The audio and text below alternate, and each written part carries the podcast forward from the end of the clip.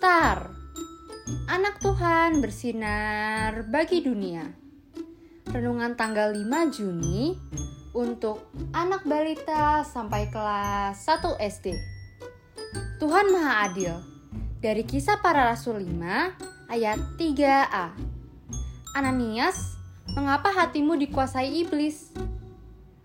Bapak Ananias dan Ibu Safira adalah sepasang suami istri yang tinggal di Yerusalem. Mereka adalah bagian dari orang-orang Kristen yang pertama. Orang Kristen mula-mula ini hidup damai dan bahagia karena mereka suka berbagi makanan, uang, dan semua yang mereka punyai.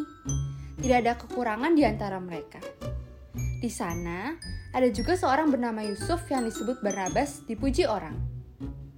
Barnabas itu hebat loh. Dia menjual ladang dan memberikan semua uangnya kepada para rasul. Aku mau ikutan juga ah seperti dia. Dia membagi-bagi pada orang-orang yang membutuhkan. Hebat sekali. Puji Tuhan. Sahut beberapa orang satu kepada yang lain. Bapak Ananias dan Ibu Safira juga ingin dipuji orang. Ananias dan Safira juga hebat loh. Mereka menjual tanahnya dan memberikan uangnya untuk dibagi-bagikan kepada orang miskin. Tapi adik-adik, Ternyata Bapak Ananias dan Ibu Safira berbohong. Jadi Tuhan sangat tidak suka. Tuhan tahu kalau anak-anaknya berbohong.